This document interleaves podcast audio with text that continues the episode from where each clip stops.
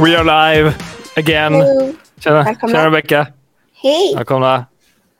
Hur mår du? Jag mår bra. Hur är det med dig? Det är bra. Det är bra. Lite höstmörker och lite dålig energi, men eh, vi rockar på som vanligt. Ehm, ja, men varmt välkomna. Uh, avsnitt nummer 25, F1 Sverige, F1 Sweden-podden. Vi kör live i Facebookgruppen och vi pushar ut på podcastappar, Spotify och lite överallt här och där podcaster finns. Eh, så varmt välkomna igen. Vi ska snacka lite, eller mest kommer vi snacka USAs Grand Prix. Eh, sen har vi lite ämnen och vi har lite spaningar och lite flaggor att dela ut. Så att det är bara att haka på så kommer vi babbla på eh, måndag den 24 oktober klockan åtta. Ehm, vad har hänt sen sist Rebecka? Har det hänt något kul eller varit allmänt bara racing? Nej, det har väl inte, det har inte hänt så mycket. Livet rullar ju på som det, som det gör. Man, man jobbar och har sig. Så att eh, det, ehm, nej, det, var, det var ett kul race igår. Så att det, ehm, det är väl eh, ja, ingen större uppdatering själv. Nej. Um, vad har hänt i mitt liv? Uh, köpt en båt, köpt båtkläder. Uh, det är faktiskt en racerbåt, så det är, det är okej. Man får faktiskt köpa andra saker också. Ehm, vad har hänt mer? Nej, men det är typ det. Jag kollat på racet i helgen och det var jäkligt bra. Sen går ju också, eh, ska dra lite det också, kanske hoppa, glida över lite till Spanien lite, lite automatiskt. Eh, Jag har följt vårt eh, race i Afrika med våra svenskar. Det går ju, just nu går ju Africa Eco Race som, som eh, startar i norra Marocko och går i mål i Dakar i eh, Senegal. Ehm, så där har vi fem stycken svenskar som kör. Det är ju Anders Berglund, Steve MK, alltså Stefan Wilhelmsson, eh, Henrik Ram, Joakim Hultqvist och Daniel Corell. Eh, så att de har köttat på som 17 och lämnade Dakla i eh, sydvästra Marocko igår och eh, har passerat in i Mauritanien nu. Så att de, eh, ja, de kämpar på som 17. Eh, vi hade ett dödsfall i helgen tyvärr, eh, så jättetråkigt att se. En, eh, en italienare som omkom. Och eh, det har varit ganska hårda förhållanden, men det har gått rätt bra. Så att de eh, fem svenskarna kämpar på och de ska absolut följas i Rally Raid Sverige Facebookgruppen om ni tycker sånt är intressant. Det är ju den originella Dakar-sträckan, så det är otroligt, otroligt eh, kul att följa med dem. Så att man sitter, i alla fall jag har suttit i helgen på GPS-plotter och sen så på eh, waypoint charts och charts och kollat när de har kommit in på olika waypoints, så det är askul. Alltså, jag Ehm. känner att jag knappt har tid för, liksom, för F1. Så här. Nej, ja. Nej, men är, man får ta lite pa- pauser. Jag tror i fredags var jag kollade på båten på några timmar, så jag får lämna det lite. ibland.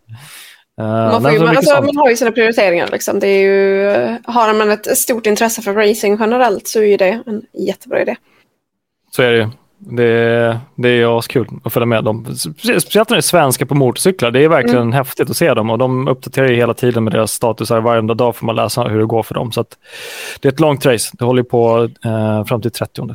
Men det, är- alltså, det är kul med svenskar generellt också, liksom, hur det går för, för Marcus Eriksson och, och Dino just nu. är ju eh, Det går ju bra. Bra bridge, eller hur? Vill du Mm. ta Dino eller? Alltså, jag har inte så mycket mer eh, liksom, koll på än det jag har kollat på i eh, F1-gruppen. Jag tror du har bättre koll. Som sagt, F1 är nog min stora, min stora grej. Ja, nej men eh, Dino Beganovic, jag tror, jag vet inte om folk har hört om honom. Han kör i alla fall i eh, Freka i eh, Prema Power Team just nu. Eh, han är eh, ja, en svensk eh, racer och eh, kör nu i Freka eh, Championshipet. Det är alltså Formula Region eh, eh, Form- Formula Region eh, Championship och de är ju några steg från F3 och F2, det vill säga underklasserna till F1. Eh, så att det här är ju uh, Formula Region European Championship kör man liksom innan man kommer in F3, F2. Uh, och han, Dino, är ju i Ferrari Driver Academy, så han är starkt kopplad till Ferrari, ja, Ferrari-teamet. Uh, han- är Ferrari-förare med andra ord. Eh, så att det finns ju en... Uh, numera finns det både sannolikhet och möjlighet att han kan börja köra för Ferrari i F3 eller F2. Det beror lite på finansiering och så vidare, så att säga, såklart. Men det finns mer och mer möjligheter nu när han har, han har vunnit alltså, ja, årets eh, Championship. Eh, så han är Driver Championship champion 2022. Um, det är, super, det är superkul att se just liksom, att svenska förare kommer tillbaka. Vi har inte haft, eh, framförallt inom liksom, Formula-genren, det är väl Marcus Eriksson senast som var det stora hoppet. Mm, precis. Nej, men så det, det nästa Formel 1-hoppet är Dino Boganovic och det är därför vi också postar mycket om honom i F1-gruppen. För att uh, ja, han är nästa F1-hoppet så att säga. Och uh, det är både possible and probable att han kommer komma in i Formel 1. Eller ja, vi ska inte uh, jinxa någonting, men ändå. Det, det hade varit jättekul. Man kan ju ha förhoppningar och jag tror som sagt, alltså jag, jag, jag vill ju anta också att det är väl egentligen alla förare som, som kör den typen av racing, där är ju Formel 1 det, det stora målet. Um, mm. Så att eh, vi sitter ju alla och håller tummarna tror jag. Ja, det ska bli askul. Mm. Um, ja, ska vi hoppa vidare från den? By the way, ni som kollar live nu. Eh, det är bara att kommentera på eh, live-feeds post-kommentaren om ni har frågor eller påståenden eller vill att vi ska säga något annat eller rätta oss eller om vi är för tråkiga spotta ut snusen tack. Eh, nej, men någonting sånt så är det bara att kommentera. Så vi ser det live i studion så, så kan vi bara reagera mer. Så det är askul att ha lite interaktion, inte bara monolog podcast. Ja, um, och vi, vi har ju tendenser också att säga saker som kan vara lite galna. Så det går jättebra att rättas. galna eller fel. Uh, vad heter det, vad heter det, vad heter det? Med det nämnt så ska vi också säga att den här podcasten av FF-gruppen är för nybörjare också. Det är mycket, mycket att vi har, eh, mycket av kulturen har vi byggt för att eh, folk ska vara, kunna vara nya och välkomnande in i nya sporten. Så det är inga frågor som är dumma, absolut inte. Så ställ på och undra och fundera.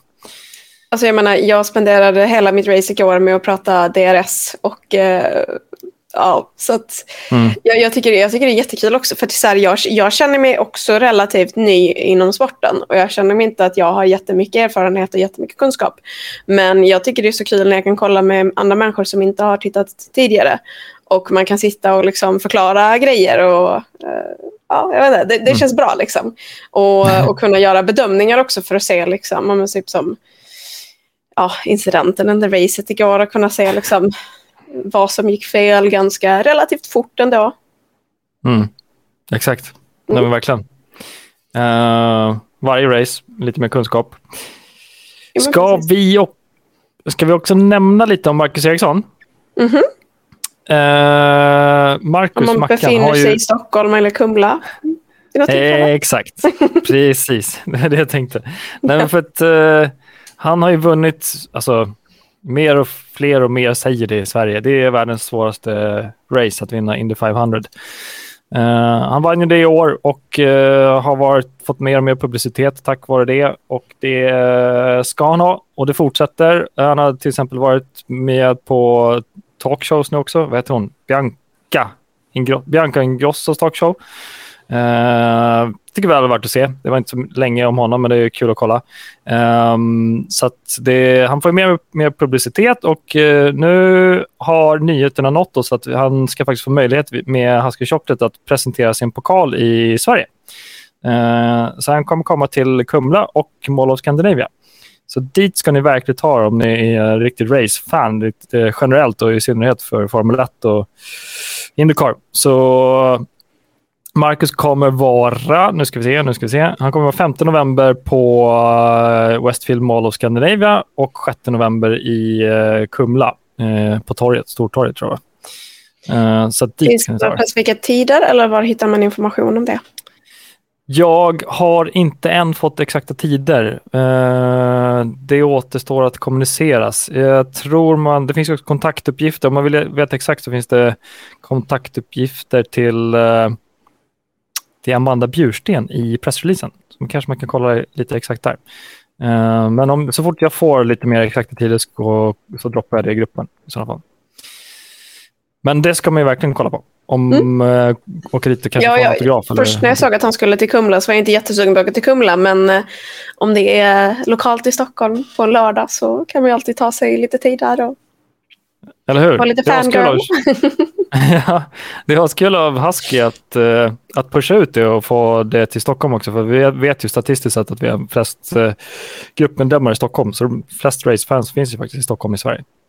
Jo, men precis. Så jag tror bara att det, alltså, det jag känner också att det är lite svårt att placera var man ska gå ut med den här typen av information för att det faktiskt ska nå liksom, den generella eh, liksom, målgruppen som är racingfans. Eh, och jag tycker att F1-gruppen på Facebook är ju en fantastisk samlingsplats eh, för likasinnade. Så det är superkul Mm. att vi kan dela med oss av sånt där och eh, ha en liten gemenskap om det också. Ja, det är askul. Det är lite självreklam, men jag tycker det är faktiskt värt det för att allting som härrör F1 ska finnas i den gruppen. Liksom. Ehm, så det är fortsatt arbete med gruppen och hur man kan använda det som kommuniké på det här sättet är askul. Vi har ju till och med en Men- F1-chatt på, på jobbet också. Ja, ni har det? Fan, vad kul. Oh, shit. Och den många sprängs har F1? varje söndag och måndag där när det har varit race. Ja. Så börjar folk kommentera. Ja. Gud vad kul. Vi har också det- faktiskt en F1-chatt på, grupp, på, på jobbet. Ja, den är, jag är inte inne på den på helgen bara. kul. Eh, vi kanske borde köra en vote i F1-gruppen. Hur många har en F1-chatt på jobbet? Det, det, Det börjar beror på hur stor arbetsplats är också. Liksom. Har man några hundra Mm. personer på, eh, på en arbetsplats så blir det ju några F1-fans. Men är det lite mindre så kanske det är svårt. Men jag fick Ja. en eh, ny kollega idag som är F1-fan så att jag spenderar en del Ah. lunchen idag och pratar lite F1. Kul. Rekryteringsfråga. vad, vad kollar du på för sport? Ja, nej men alltså, jag, jag ställde det under intervjun eh, eller när vi liksom under processen och eh, hon gillar ju Haas. Ja, coolt. Som, jo, men så här, som, som underdog liksom. Jag tycker det är superkul att, att se liksom att någon håller Mm. på ett lag just för att de är underdogs.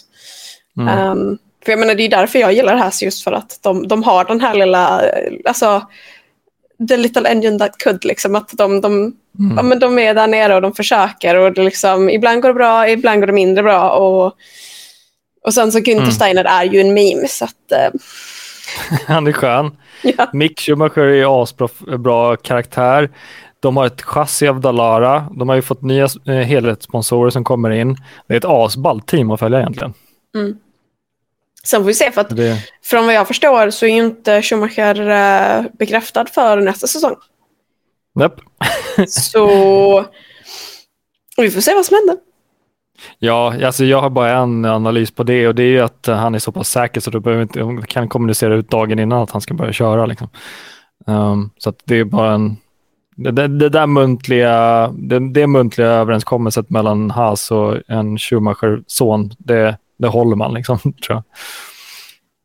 Men det finns väl, en, jag tror att eh, Williams har ju ett säte öppet också. Är det så? Nu Så, se, jag har inte alltså, det hade varit kul att se lite så här liksom switcheroos eller liksom några ja, men lite oväntade händelser också. Mm, faktiskt. Det hade varit lite kul. Men inte för mycket drama bara. Bara vi inte tappar Schumacher. Vi måste ha en Schumacher på startkitten. Det måste vi ha. Jo men precis. Alltså, jo, men det, alltså, det tror jag det känns som att, för han behöver ju också komma in i det och bevisa att han kan. Liksom. Mm, så är det. All right. Uh, ska vi börja glida över på gårdagens race, eller? Ja, jo, jag kan eh, Ska vi... ta, eh, köra, en Alonso och flyga in dit. ja, eh, drop it. Drop it. ja. Uh, it came in like a wrecking ball, det var det jag tänkte. Ja, men skitbra. Det ska vi, jag har eh, lite också. Vill du börja med dina, eller? Ja, ehm, alltså jag kan ju börja med min, min, min första gröna flagga där till, till Alonso nu när vi nämner det. Eh, just, alltså, jag, bara, jag bara var så fascinerad för när jag såg honom flyga och han drar liksom längs väggen. Och liksom, alltså, jag ser, man ser verkligen bilen bara liksom blir mörbultad. Och jag, jag, alltså jag tittar där och jag bara, men han kommer ju att behöva ta bilen ur bruk. Det här kommer ju Mm. inte hålla. Och sen så slutade det med att nu, nu slutade det ju med att han kanske inte riktigt fick några poäng. Men jag tror han Mm. fick en sjunde plats innan han fick eh, penalty. Ehm, och jag menar alltså att, att lyckas först och främst bara ta bilen i den situationen och att kunna fortsätta köra och att sen vara liksom competitive och liksom få poäng. Det är ju, alltså, det, är ju, Mm. det, det visar ju på den fantastiska karaktär han har. Han, alltså, jag, när jag satt liksom hemma och kom, kommenterade liksom själv eh, och la mina så här små, små kommentarer som man alltid gör när man tittar på racet direkt. Och jag sa det att han är så jäkla envis. Och det är, ja, men jag tycker det var så kul att se. Liksom. Och, eh, så Mm. det är ju en eloge till, till den prestationen. Ehm, sen tycker jag kanske att han borde ha fått en... eh, jag, jag, det var också någonting som jag satt och kommenterade under racet och tänkte så här att han borde ha fått en uh, svart-orange flagga för, för den här uh, backspegeln som, eh, som var lös. eh, som han sedan eh, som sedan kom loss och som han sedan fick eh, penalty för att de inte hade fixat. Mm. Och sen tycker jag, men jag tycker också att det är ganska dåligt av eh, att de inte gav honom den flaggan för att då hade han ju kunnat komma in och ta loss den och ja. Sen vet jag, Mm. jag vet ju inte heller liksom behöver man, för det är ju ändå en backspegel. Det, det är ganska bra grej att ha. Så här, så här, kan man köra utan den? Får man köra utan den? Ja, men jag, jag har faktiskt sett kommentarer från, jag tror det var i skiftet mellan 2021 och 2022, att det var förare som hade kommenterat att de här backspeglarna vibrerar så mycket så att man typ tittar inte i dem ändå. Mm. Alltså du ser det om någon börjar komma nära, liksom, då kan du slänga ett öga, men ser du inte att någon är obviously alltså fyller hela backspegeln så tittar du inte så mycket i den för att det vibrerar så mycket så du ser inte folk längre bakåt. Liksom. Men eh, alltså det var okej, så det, ja, det är ju Alltså, han, han kunde ju uppenbarligen racea med bara en backspegel. Det, det gick ju för Absolut. sig. Men eh, Mm. det, alltså jag, jag tror det var när han skulle överta, jag kommer inte ihåg om det var, jag tror det var Magnusen. Uh, när Mm. han skulle överta honom, för då, då blev ju ehm, luften från Magnusens bil var ju det som gjorde, verkar göra att den faktiskt till slut flög iväg. Um, Mm. Men det var också en händelse som man liksom satt och tittade och väntade på. Um, nej, Ja, um, som sagt Alonso, Alonso Airlines kan rekommendera. det är franskt flyg. Eh, vad heter det? det är lite intressant i uh, Rally Raid eller i motorcykelracing, alltså Dakar Rally Raid. Eh, där säger man alltid att titta aldrig bakåt för att om du är på motorcykel så är det den som hinner upp dig som alltid ska väja, vilket är lite likadant i racing, alltså Formel 1. Beror på. Corner cases finns. Eh, men eh, man gör det också. Man säger också på, på Rally Raid, också motorcykel, att man aldrig ska titta bakåt. För du- börjar du titta bakåt så bara vänder på huvudet eller någonting. För du har ju inte backspeglar då när du racear. Jo, Mm. kanske. Det beror lite på vad du har för regler. Men eh, då, då tappar du fokus framåt och sen kanske du missar någonting och sen så är det kört. Liksom. Men det är också för att det är offroad. Lite svårare jämförelse, men eh, ja, du kan absolut köra utan backspeglar för du ska egentligen bara titta framåt. Den som kommer bakifrån är den som får väja. Ja. Typ så. Ska jag Nice. fortsätta lite gröna flaggor eller vill vi ha lite pingpong? Nej, men kör en till, för jag har ju tre, tre stycken. Men Ja, så du, ja. ja, jag har Mm. fem stycken. Mm. Ja, nice. Fan, Jag, bra bara, race jag, gillar, jag, gillar, jag gillar gröna flaggor. Nej, men jag tror Ja. att vi, vi, kan, vi kan ju få ut den, liksom, den, den stora självklara liksom, gröna flaggan som för Verstappen. För att Mm. jag känner ju, vi, vi pratade ju i slutet av eh, förra podden, just att du, du menar på att jag, nu, nu vill vi se att Max presterar så att det inte blir något frågetecken om att han faktiskt förtjänar det här mästerskapet som han fick i Japan. I och med att det Mm. ändå var under liksom lite frågande omständigheter med hur många poäng som borde delas ut och inte. Och nu känner jag att nu har han cementerat det. För att han blev um, väldigt, väldigt, väldigt tillbakasatt av den där uh, pitstoppen. Där uh, däcket inte riktigt kom av och sen inte kom på. Och vad var det? Det var 11,6 sekunder som han var i pit och vanligtvis ett generellt Red Bull Pitstop är ju runt 2,5 sekund. Mm. Så att eh, där förlorade han ju väldigt, väldigt många sekunder och ändå lyckas han ha den här fantastiska racingen som jag, åh vad jag har saknat det från förra säsongen mellan honom och Hamilton. Och Mm, den ja. här, alltså han, han tog verkligen kapp igen och kom om och det var, alltså det var så snyggt. Och det är verkligen så här så att en eloge till, till Verstappen för att han, han, han bevisar verkligen att han har den, liksom, eh, den kvaliteten som krävs för att, eh, för att vara mästare och behålla en mästartitel. Eh, Sen får man säga vad man vill om hur han vann mästartiteln förra året men nu tycker jag ändå att han liksom har cementerat sin, sin plats på, på toppen. Mm. Så det är jättekul att Faktiskt. se. Och kul för honom också att kunna liksom ge, ge Red Bull den där constructorn första på nio år, var det? Jag tror det. Alltså, 2013. above a, approximately a decade har jag hört. Ja. Jag för, för mig att jag såg 2013 senast. Så, att, eh, så det är också så här, superkul. Så att, eh, definitivt stor, stor eloge till, eh, till Verstappen för den insatsen. Mm. Ska jag segway över till min flagga där? Mhm. Det är ju Red Bull Constructors Championship. Ehm, det är typ samma, är det, ish. Men och connecta lite till det som du, var, som du var inne på nu är att eh, vi, snö, vi har snurrat om det, om att Max faktiskt borde få känna det här, att han vinner. Och Det som jag tycker sker, skedde igår är att han känner att han vinner tillsammans med, med teamet på den helgen som Dietrich Matsechitz eh, går bort. Eh, så jag tycker att de här faktorerna, att Max nu verkligen får visa att han racear sig till första plats i mål, att eh, de tar Constructors Championship och att Dietrich har gått bort. Det är ju tre stycken saker samtidigt som, som bara gör att man känner att den här värdigheten är på rätt plats nu eh, för Max och Red Bull-teamet. Och jag satt och eh, tänkte på det idag. Ehm, när Red Bull kom in i Formel 1 Eh, och körde med eh, Sebastian Vettel så gjorde de, drog de tre eller fyra stycken raka titlar för Vettel. Ehm, och eh, har man läst Adrian News bok som heter How to build a car så gick han med i det teamet och de, det teamet Red Bull tillsammans med Dietrich och massa andra personer i Red Bull hade verkligen viljan att visa att vi inte bara one, one shot, uh, one lucky shot champions de åren. Och det gjorde de inte. De visade ju för tre, fyra år på raken att de, de var vinnare.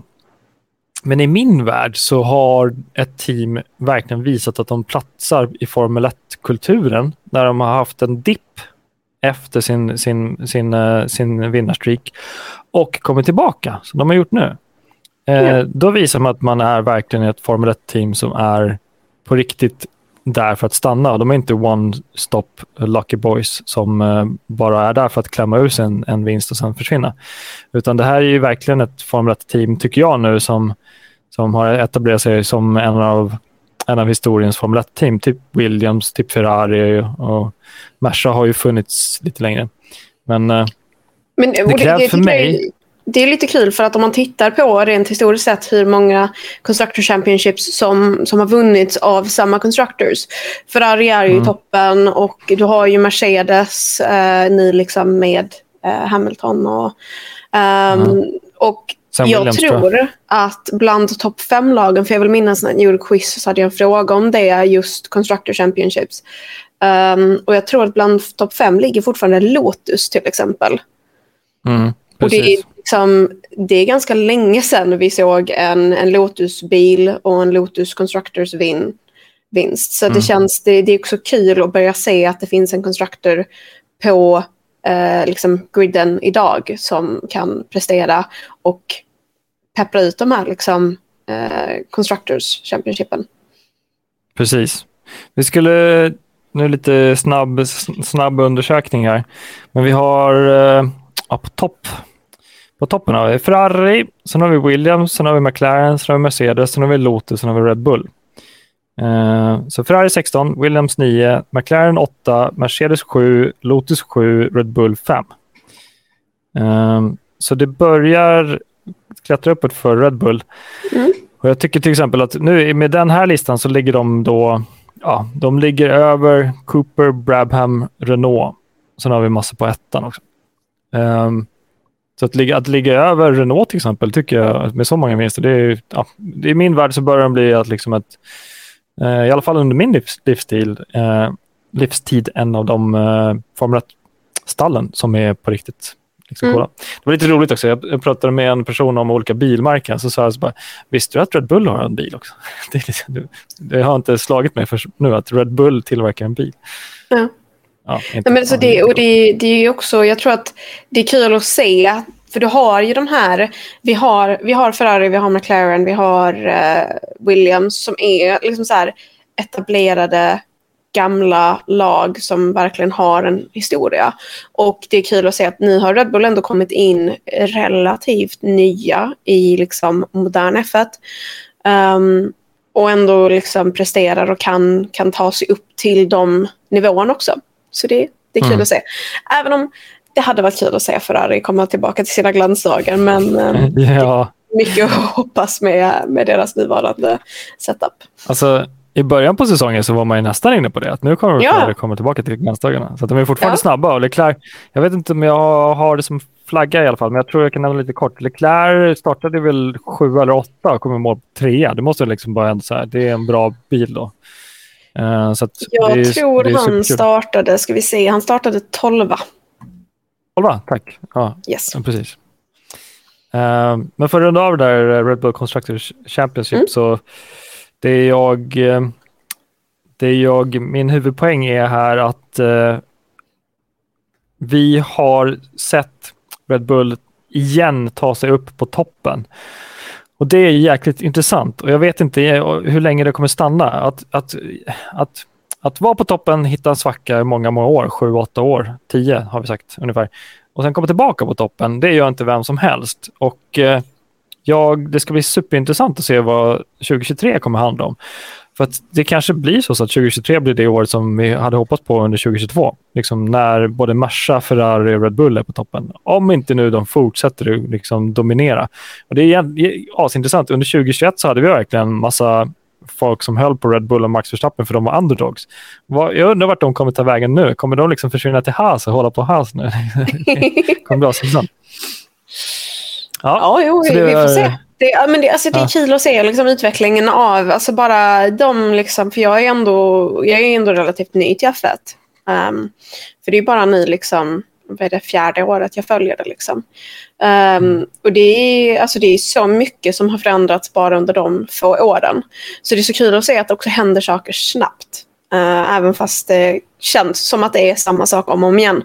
Uh, så blir det mycket förändringar. Liksom. Mm. Uh, men jag kan ju rulla in på eh, en till av mina gröna flaggor där och ta upp eh, Hamilton. Mm. För att alltså, jag, jag, jag har tjatat om det här så länge nu. Alltså, jag tycker det är så kul att se Hamilton tillbaka i, liksom, i sin, sin, liksom, sin storhetsglans. Att han ändå liksom, han, han, har, han har farten, han har viljan. Um, sen tycker jag att det var alltså, en av de sakerna som jag garvade mest åt under racet igår var hur han satt och, eh, och kommenterade på Max racelines när han låg bakom Max. och Max får en varning och sen så säger de ah, nu har Max fått en varning. Och sen så var det typ en minut senare så får Hamilton en varning för racelines. Ja men det är så klassiskt. Alltså, han, han är ju och har alltid varit en person som använder teamet för att race också. Ja, ja men alltså han, han, kommer ju alltid, han kommer ju alltid vara lite av en diva och klaga och sådär. Men, alltså... Oh, jag har svårt för det här ordet alltså. Man får okay, inte, nej, nej. Jag tycker i alla fall, han, han är väldigt, han, han är väldigt eh, vokal om man säger så. Om vad han, mm. vad han tycker. Um, ja. Men, eh, men som sagt, det var, det var superkul att se just den här. För det är det jag saknar från förra säsongen som jag kände att vi hade. Men då under förra säsongen var det ju väldigt, väldigt pressat på sin spets. Eh, den liksom konkurrensen som, som var mellan Verstappen och Hamilton. Och jag mm. tycker att igår var det jäkligt snyggt gjort. För det var, var vissa tillfällen det hade nog kunnat bli incidenter men det känns på något sätt som att de har en mer balanserad relation nu och att det liksom inte är den här eh, liksom pressen på samma sätt eh, som det var mm. under förra året med liksom vem som helst av dem hade kunnat vinna mästerskapet. De gick liksom in på sista racet med exakt samma poäng. alltså det där är liksom... Det, you can't make that up. 2, Nej, 300, Vad sa du? Jag kommer inte ihåg. Nej, jag bara sitter och undrar om... 369,5 poäng som båda hade. Nej, jag, jag det är en sån här Precis. siffra som jag bara har lagt på minnet. Men, eh, ja. men nej, så, att, så att jag tycker att Hamilton definitivt förtjänar en grön flagga för att, och en eloge för den, liksom, den prestationen han, han gjorde och uh, att han lyckades ta sig upp och liksom, han förtjänar verkligen det där podiumet. Fully agree. Here, here. Mm. Alltså, det, Ja, men jag kan bara spinna vidare på det. Det är ju, det är ju sånt som har saknat. Att det är jättekul. Det var ju It's Hammer Time kom ut på radion under racet igår. uh, Lewis It's Hammer Time, så det var väldigt kul. Uh, men uh, jag tycker jag tycker om att se de två racea just för att det blir så jäkla nervös. för att de, två, de två har så olika stilar när de racear. Max mm. som är så mycket armbågarna ut och Lewis som är så han är liksom skalpellförare när han ska göra en omkörning. Utan han, när han väl gör en omkörning så är han 110 procent på att den andra inte kan, kan ens sätta emot. Medan, eh, det här är min analys, medan Max är, han gör omkörningar så fort han kan och han, han, han gör dem genom att sätta ut armbågen, eh, vilket många andra också gör. Men ja. eh, det är därför jag blir lite nervös, för att vi har en person som sätter ut armbågen och en person som är lite så här, vad fan, flytta på dig. typ så här. Ja, alltså, vi såg ju på Monza förra året, vad som händer när de två mm. inte släpper, äh, släpper ifrån där det ska. Eller bör. Ja. Det. det. är ju liksom deras två olika stilar. När, när, när ingen av dem börjar backa ur, då, då smäller det. För att de, båda de två vet exakt vart de vill ligga på, i varje kurva. Liksom. Men det, det, är det jag menar också, det som var så fint i, igår. Att man ändå kunde se att det fanns någon slags liksom, respekt. Att det liksom, de ja. ändå inte pushade varandra på den, till den gränsen som de gjorde under förra säsongen. Vilket det, det var superkul att se. Ja. Och det, det, tycker jag var bra racing. Jag har liksom no notes på, på racet igår. Jag tycker att det var super, superkul att kolla på. Ja, det var det. Med tillägg på det också. Det var ju, Max gjorde omkörningen när det var typ sex eller sju varv kvar eller någonting. Mm. Och man märkte ju, han, Lewis visste ju själv hur pass mycket snabbare Max var i det läget. Han tog in typ, på två varv tog han in typ en, en sekund på honom. Så att i det läget så hade ju inte Lewis någonting att sätta emot. Han kunde ju verkligen inte racea med honom. Han var ju så mycket långsammare. Så att i den, den aspekten också så gjorde ju Lewis bara rätt genom att lämna space till Max för att mm. han var mycket snabbare. Det såg vi, han var ju typ sex sekunder framför honom på, på fem varv eller någonting. Och så, han gick i mål typ sex sekunder framför Lewis, så att han var mycket snabbare. Och där igen måste jag ge en credit till Rebecca, deras eh, strate, strategist, strategist, strat, teamstrategi.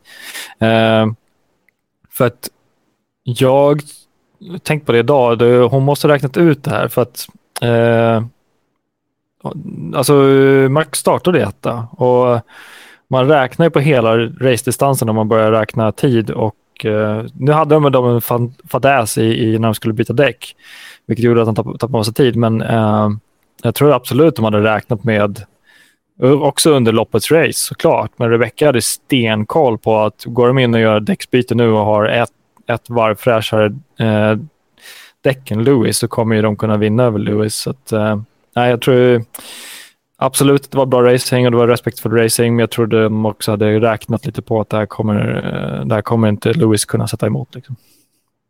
Nej, nej, men det, alltså det, det är fint att se. Och, det, och nu när du nämner det, just det här med liksom, eh, problemet de hade med sitt pitstop var ju också att där förlorade han ju nästan, det var väl åtta sekunder, nästan nio sekunder. Um, beroende på liksom hur långt, det hade, lång tid det annars hade tagit. Men det är ändå så här, det är ganska många sekunder när man kollar på F1 Racing.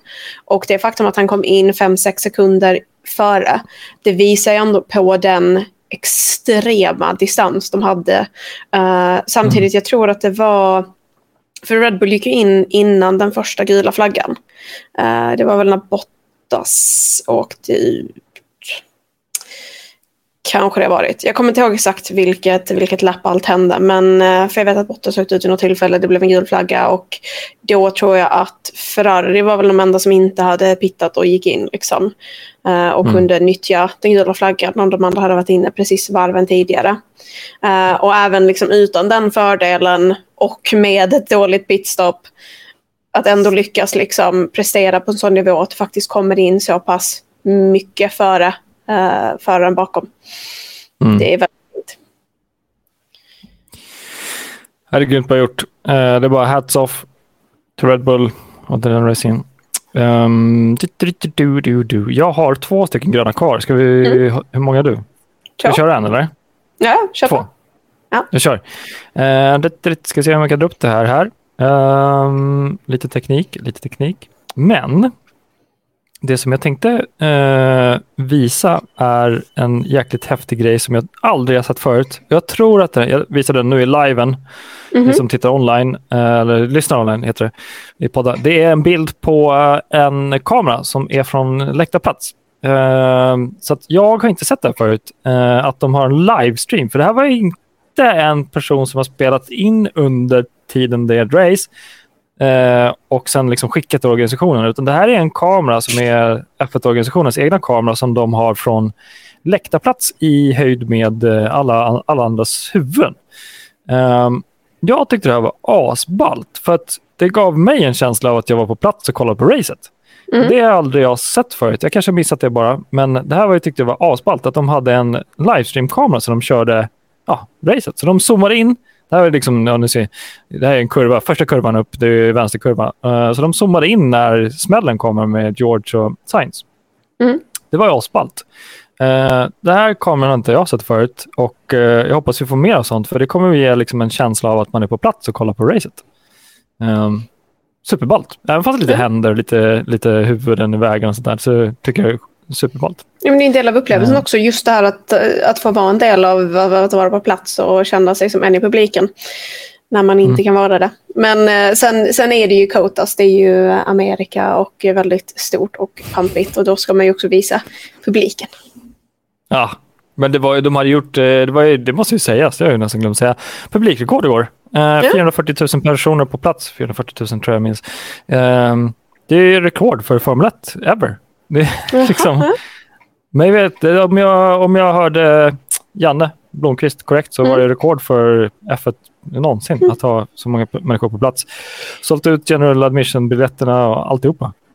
Ja, för de, de var ju tillbaka på Kotas första gången igen förra året, va? efter typ två års uppehåll, ett års uppehåll. Jag kommer inte ihåg. Men för den är ganska, alltså, det är ju den... Uh, den som i USA har varit den, den stora. Liksom. Sen fick vi Miami i år, vi kommer få Las Vegas nästa år. Det kommer bli mer och mer i USA. Och det, det känns ju också som att det är ju en stor push mot den amerikanska marknaden. Uh, för man märker att den är ganska untapped. Liksom. Så, att, uh, så det är kul att se och det är kul att eh, uh, F1 är så populärt. Ja, det kommer bli jättestort. Alltså, om tre år så kommer vi ha en tredjedel mer tittarsiffror, absolut. tror jag. Ja. Asballt. Men alltså, jag tror också det är, det är en del av hela den här uh, Drive to Survive-generationen. Liksom, att det blir mer lättillgängligt. Och jag tror framförallt det det som jag tycker är så kul att se med Drive to Survive när man kollar på statistiskt sett hur publiken um, blir mer kvinnlig.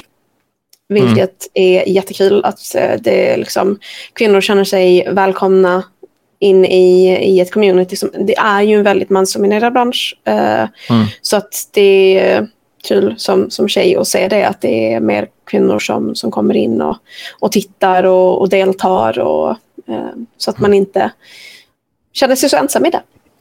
Ja, det är askul. Det mm. är superkul. Uh, ja, faktiskt. Ja, men det är jättekul. Vi ser siffrorna också växa i gruppen hela tiden. Så det mm. är det är bara att fortsätta, fortsätta i rätt riktning faktiskt. Eh, men mm. det ska vi säga också. Eh, Formula W-series eh, har ju haft lite ekonomiska problem, apropå kvinnor i racing. Men eh, det har hintats om att Formel 1 ska starta en egen kvinnlig serie. Racing-serie. Mm. så det är askul. För att jag tror... Det var någon som sa det med en ganska logisk förklaring. Då blir det ju en FIA-serie om det är en kvinnlig serie. Så jag tror det kan bli intressant. För Formula W-series, Formula W, de har inte varit under FIA vad jag vet. Så att, uh, därför blir det lite annan typ av uh, regler och sånt där. Men det är, det är intressant. Vi måste följa det där. Hur mm. mer kvinnor, kvinnor i serien, både som fans och som racers. Ja. Men jag kan ju rulla in på min näst sista gröna flagga. Uh, en, en, en, en, klassiker uh, som jag tror att vi alla, eller i alla fall många, jag tror att det var ungefär var det 18 eller 20 procent av de som röstade på Driver of the Day håller ju nog med om det här. Uh, mm. min, min, en av mina gröna flaggor går ju till Vettel. Det var, alltså, det var så kul att se. Alltså, när han låg i ledningen och, och hur han blev helt nerkörd av ett dåligt pitstop var ju inte kul att se. För att, alltså, det är ju just så här, vi vill ju att han ska ha i alla fall minst en vinst varje säsong. Liksom. Uh, och mm. framförallt nu när han kör sin, sin sista säsong. Um, ja, men det, var, det var superkul att se och det var verkligen så här, alltså, det kändes som man såg liksom Vettel tillbaka i sitt liksom, sanna element och det var, det var fint och det var lite nostalgiskt och sådär. Alltså jag menar, jag, jag mm. följde ju inte F1 när han hade sina liksom, glansdagar men man, man vet ju ändå liksom om Vettel och hans prestationer. Och uh, det är kul framförallt nu när, min, när man ser som sagt att uh, han, han ska ta ett steg tillbaka. Att uh, mm. han fortfarande har den där racing i hjärtat kvar. Ja, det är askul. Uh, apropå Vettel så har jag försökt följa hans Instagram och det verkar som att han, de räknar, alltså de räknar ju åren lite då och då kommer det upp år och lite de sakerna han kört. Han har fortfarande mm. go-kart-oljan. Mm. Man verkar lägga upp liksom hela sitt liv i kronologisk ordning. Så vi, ibland kommer det liksom bara årtal som han lägger upp på sin Instagram. Mm. Eh, så det var det hans födelseår där först va? Mm, precis. Så det kommer bli jäkligt intressant vad, hur det slutar när liksom, det kommer ju sluta på 2022 eller 2023 när nyheten kommer ut. Då. För då kommer de, liksom, nu kommer det här ske i hans tids nästa fas i hans liv. Så att de har, alltså PR bakom Vettels Instagram är underbara. De liksom Men alltså, det, ut hela hans liv tills bara nu. Det ska ju bli kul att se vad han, vad han ska göra. För att jag menar, med tanke på att han har varit ganska tydlig om att han ska ta ett steg tillbaka för att få mer tid till familjen.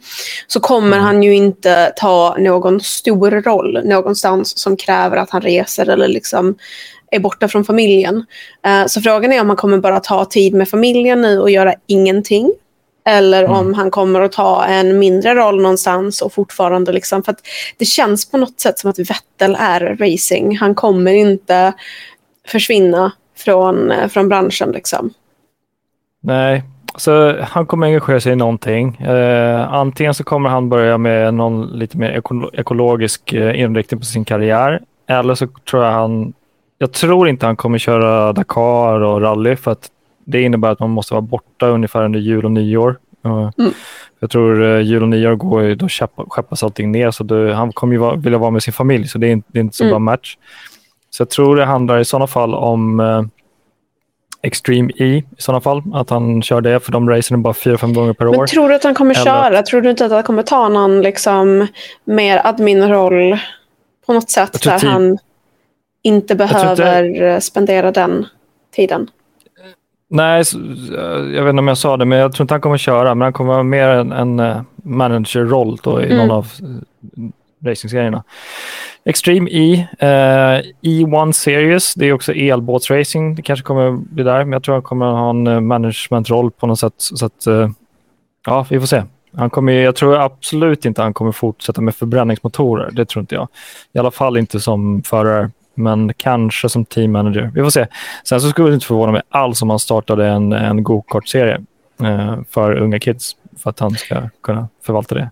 Det hade ju varit kul att se honom i någon slags mentorroll så som mm. eh, Lauda hade. Ja, um, faktiskt. Det alltså, hade jag alltså, tänk dig om vi fortfarande hade Schumacher, alltså Mick och, eh, och Vettel tillsammans. Ja, Fast liksom Vettel faktiskt som en, som en mentor. Ja, Vettel som en mentor. Och sen så hade vi, tänk om vi hade haft, men det kan vi faktiskt få. Vi kan ju faktiskt få Kimi Räikkönen tillbaka i paddocken om han coachar Robin, eh, Robin Räikkönen. Om han, för Robin Räikkönen har börjat köra gokart nu på en väldigt låg nivå. Så det är inte alls en stor uh, omöjlighet att uh, Robin Räikkönen så småningom, beroende på lite vad han vill göra, Robin. Ja, visst fasen heter han Robin? Ja, jag tror han är åtta år, sju, åtta år. Liksom. Så vi får se. Anyways, uh, tiden springer iväg. Ska ja. vi köra mer flaggor? Ja, du har en till flagga. Ja, till. Ska jag köra den? Ja, uh, ja den, den, är väldigt kort men koncis. Uh, FIA är konstanta och de ger samma straff till Latifis påkörning av, oh, det kommer jag inte ihåg, men han lämnar inte plats åt någon William, nej jag kommer inte ihåg, någon bil, hastbil. Anyways, Latifi Magnusson får samma, kanske? Magnusen kanske var. Han mm. får samma straff varv 39 som Russell får varv 1 när han kör på Sainz. Mm. Det säga, de, har innerspåret och lämnar inte plats på utsidan. Liksom. Uh, causing a collision. Så det är jättebra av FIA att vara konstanta. Uh, det såg vi inte i fjol, om vi säger så. Nej, men det har vi sett ganska mycket den här säsongen, just att de hänvisar till liksom tidigare domar, att de sätter en praxis och följer den. Och det, yep. det är superfint att se och jag tror att det kan vara lite för att deras hand är tvingad i det, att de, de behöver ha en, en högre standard nu med tanke på förra säsongen. Mm. Exakt. Det är asbra. Jag mm. gillar verkligen det att de kör liksom prejudikatfall i början på säsongen. Så bara, ja, men nu dömer vi så här den här gången. Då får vi tänka på det i framtiden det här året också. Mm. Nej, jo, men att de ändå sätter någon slags, liksom, de har reglerna och de läser det på ett sätt. Liksom. Och, mm. och sen så är det så det läses. Uh, så att det inte är några frågetecken. Uh, så det, det är bra. Det är superbra. Mm. Jag har en till gul, men du kanske vill ta någon före mig? Ja, jag har eh, bara min sista, min sista gröna flagga till Claire. Men vi har ju redan, vi har egentligen redan pratat om det. Men just det här mm. med att han startar på en tolfte plats och tar en tredje plats och faktiskt får ett podium. Um, och det, det är skönt att han får den här möjligheten med tanke på hur, uh, hur mycket som har förstörts för honom under säsongen eller att han har fibblat bort det själv. Uh, så som man märkte liksom i Japan att han han tappade en hörna, gick ut, fick en penalty och det, liksom, det gick inte vägen. Och mm. nu är det ändå, liksom, visst det är en tredje plats men han, han slogs om den. Han tog om Perez och det var jättefint kört helt enkelt. Så att, um, så att väldigt uh, liksom, my compliments till, till Leclerc och uh, är ändå glad. Även fast jag vill att Perez ska slå honom i uh, förarmästerskapet. så, uh, så är det ändå kul att se när, när förare som vi vet har talangen faktiskt får, får chansen att visa det. Mm. Det är askul. Jo. All right. Uh, jag tror, nu ska jag dubbelkolla här. Det är nämligen så att jag har ingen, jag har en till liten gul flagga och det har vi redan varit inne på att det Red Bull tappade. Det är lite kul att uh, Red Bull har varit felfria hela året tills nu när de vet att han typ har vunnit mästerskapstiteln. då, då slappnar de av lite. Och Pressen är borta. ja, verkligen. Vi kan släppa på garden nu med pressen borta så latchar vi lite i podd, nej, vet i pit, pitstop. Eh, så det är kul, eller roligt, eller bra eller dåligt att de tappade. Jag tror de inte fick på vänster framdäck. Lite slarvigt ja. sådär. De fick inte Men... av vänster framdäck och sen fick de inte på vänster framdäck. Ah, så okay. det var ju um, det var ju någon slags pistolmalfunktion. Mm. Det var lite intressant, men ja, det är ändå min gula flagga att de tabbade sig där. Det var min gula flagga också. Ja, det är oh, herregud. Great minds think alike. ja, men jag menar, de har ju presterat väldigt bra. Jag menar, samtidigt, de hade ju en helt fantastisk strategi. Så jag tror att hela det här pitstoppet bara förstörde allting. Fast det förstörde egentligen ingenting för att de lyckades ta den då. Men, men ja, det är lite unfortunate kanske. Verkligen. Så ja. kan det gå. Det är okej. Okay. Men sen har jag en ehm. sista röd flagga. Ja, kör. Mm. Uh, min röda flagga går till Stroll. Och Oj. det är kanske inte helt oväntat med, eh, med den incidenten som hände. Och, mm. eh, alltså först när jag kollade tänkte jag, men shit vad, vad gör Alonso? För att han låg väldigt nära innan han började byta linje. Men man ser att liksom Stroll byter linje samtidigt. Och det är någonting som, som jag, jag kommer att tänka på. att alltså, Han fick ju faktiskt eh, ett penalty point tidigare i år för exakt samma grej. Och har även fått, jag, jag kommer inte ihåg vilket race det var, men det var något race efteråt. Det var, för först var det i eh, Australien. Då, eh, då var det liksom att han körde den här zigzag medan han defendade och att det blev liksom ansedd som, som farlig körning. Och han har därefter, liksom påföljande race, fått varningar för samma typ av beteende. Och här ser vi honom Alltså visst, han var ju inte så här liksom fram och tillbaka på banan, men det gör ju, han gör ju en oväntad förflyttning. Och något som är väldigt, väldigt viktigt, framförallt när vi kör de här hastigheterna, är att man håller sin racinglinje och att man inte liksom, eh, gör någonting oväntat som kan, som kan skapa problematik. För att mm. den här olyckan, alltså det är, det är helt fantastiskt att det inte var fler bilar som kom in. För att det var många bilar bakom, jag tror att båda Alfa Tauri-bilarna var bakom, eh, Norris låg bakom, och det var bara rök överallt. Man ser inte var bilarna liksom bakom som har kraschat har hamnat. Man vet inte vad det är man kör in i. Och det, mm. alltså, det var jättefint att se att de lyckades ta sig om och att, liksom, att uh, Alonso faktiskt tog sig därifrån. För att jag tror att ett däck sprängdes vid kollisionen och ett däck sprängdes liksom när han hade spunnit ur. Och ja, alltså Stroll, man kan ju säga vad man vill om honom. Jag tycker att han är lite bortskämd och ver verkar lite bortskämd i alla fall. Um, och lite av det här liksom, beteendet att han uh, är lite entitled kanske. Um, men det, det, är liksom så synd att se att det orsakar olyckor. Jag tror att han fick två stycken penalty points uh, i det här fallet. Så det är ju väldigt hur ska man säga, välförtjänt. Mm. Eh, lite mer välförtjänt än, än Gaslys två penalty points från eh, mm. racet igår kanske. Um, men, men ja, nej. Så att det är inte jättefan av Stroll där. Uh, han, han gjorde väldigt fina man manövreringar uh, i Japan. Men uh, nu kändes mm. det som att det här racet var verkligen inte hans dag och inte hans prestation att, att gå därifrån med ett högt huvud med.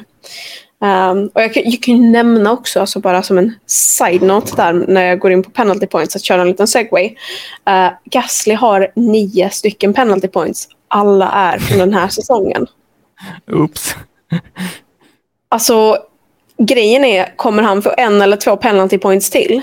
Någon mm. gång under liksom, de sista, vi har tre race kvar tror jag. Tre race kvar, uh, ja. Och alltså han riskerar ju att förlora sin licens. Ja, precis. För att Hur gör, den, vad gör han då? Liksom? Det, var, det var två stycken i maj, fyra i juli, fyra i augusti. Eller fyra i oktober. Alltså det, det mm. så att även när han, när, när liksom, även om han inte får några penalty points nu under, eh, under liksom sista delen av den här säsongen. När vi går in i mm. nästa säsong så har han fram till maj på sig. Det är ganska många race. Yep. Och, och, då är det bara två poäng som försvinner och sen så liksom är det inte förrän i, i juli när han liksom kommer få bort fyra. Det, ja, jag, jag, mm. jag, tror inte, jag har inte sett någonting om att någon förare någonsin har förlorat sitt license. Uh, men det inte jag heller. Jag hade hört att det hade varit as, tragiskt men roligt men tragiskt att se ja. det. Ja. Men ja, det, det ska bli kul att se vad som händer. Ja, vi, vi ska se vad som händer i Mexiko. För att, uh, ska vi börja runda av eller? Jag tycker vi ja. ändå har tjötat, tjötat sönder öronen på folk. Och, uh, nästa race är det Mexico City. Uh, så det kommer ske om exakt en... Eh, nej, men det är nu på söndag. Precis, 30. Mm. Lite bättre tid den här gången, klockan 21. Det är perfekt för att kunna knäppa upp en... Eh, ja, det är söndag. Jag knäpper upp en eh, cola eller någonting. Eh, så det blir askul. Eh, är det... Nej? Det är kött fel igen, också. Eller? Det är kött, ja. Ja, det är kött, ja. Herregud. Det är lite andra tider på allt annat också. För de har ju, vi har träning på fredagen klockan 8 och klockan 11. Sen på lördagen har vi träning klockan 7. Sen på lördag är det kval klockan 10. Sen race klockan 9 den 30 på söndag. Det, bra det var, ganska, det var ganska trevligt med så här kvällsrace i, igår och liksom sitta där, mm. avrunda helgen och liksom Mm. Det, hade kanske, alltså, det hade inte varit så kul om det varit några delays så som det var liksom i, Japan. Då hade man ju bara sagt att jag får gå och lägga mig nu och inte ja. kolla på racet. Trist. Ja. Så Exakt. vi får hoppas att det rullar på som det ska. Men det är ju i alla fall inte regn och det brukar vara regn som, som skapar problem. Och det känns ju, vi har ju Mexiko, Brasilien och Abu Dhabi kvar och det är väl inte jätteregniga ställen. Vad jag vet. Exakt. Exakt. Eh, men vi rundar av så. Sen så ska vi också säga ni som har någon abstinens i veckan, ni ska absolut in i Rally Raid Sverige Facebookgruppen och kolla på våra fem svenskar. Anders Berglund, eh, Stefan Wilhelmsson, Henrik Ram, Joakim Hultqvist och Daniel Corell. Och eh, för övrigt så sägs det att eh, Stefan Wilhelmsson, alltså Steve MK, har gjort eh, världens längsta bakhjulsåka under en sträcka till Dakar. Till, till Dakar. Så att det är askul att följa dem. Så att haka på in i gruppen Roller Raid Sverige om ni vill kika där. De är asballa att följa. I Jag annat fall, fråga i, på Facebook bara innan vi rundar ja, av. rock'n'roll. Jäklar, innan precis. Det är väl bara ett race avstängning för 12 penalty points. Bra fråga. Tu-tu-tu-tu. det är bara en... Jag tror... eh, ja, det är bara Race en blivit- race. Alltså, det är inte, jag, jag trodde att det var ett helt liksom att man blev bannad på ett Hela race. säsongen Ja, blir nästa race. Det, det där kan vi kolla upp. Jag nej men det var, jag kollade precis huvudet. upp det. Det var Gjorde bara det? ett race. Ja, Ja, då så. Tack för du som påminner om det Ja, i chatten. tack. Ja, det ser. Vi behöver folk som är live. Det är ett community där. Det är inte bara vi som håller på med. Ja, men det är bra att vi också har folk som snappar upp det så att vi inte lämnar podden och sen så går den live på alla ställen där poddar finns och så kommer folk sitta Ja. där och bara de här människorna Nej. kan ju ingenting. Vi kan ingenting, men det kan vi inte heller. Vi bara spekulerar. Ja. Nej, jag skojar. Nej, men grymt. Tack för ikväll hörni. Eh, vi syns och hörs online och eh, om inte annat så ha en trevlig vecka. ja, ha det fint. Tack så mycket. Ciao. Hej.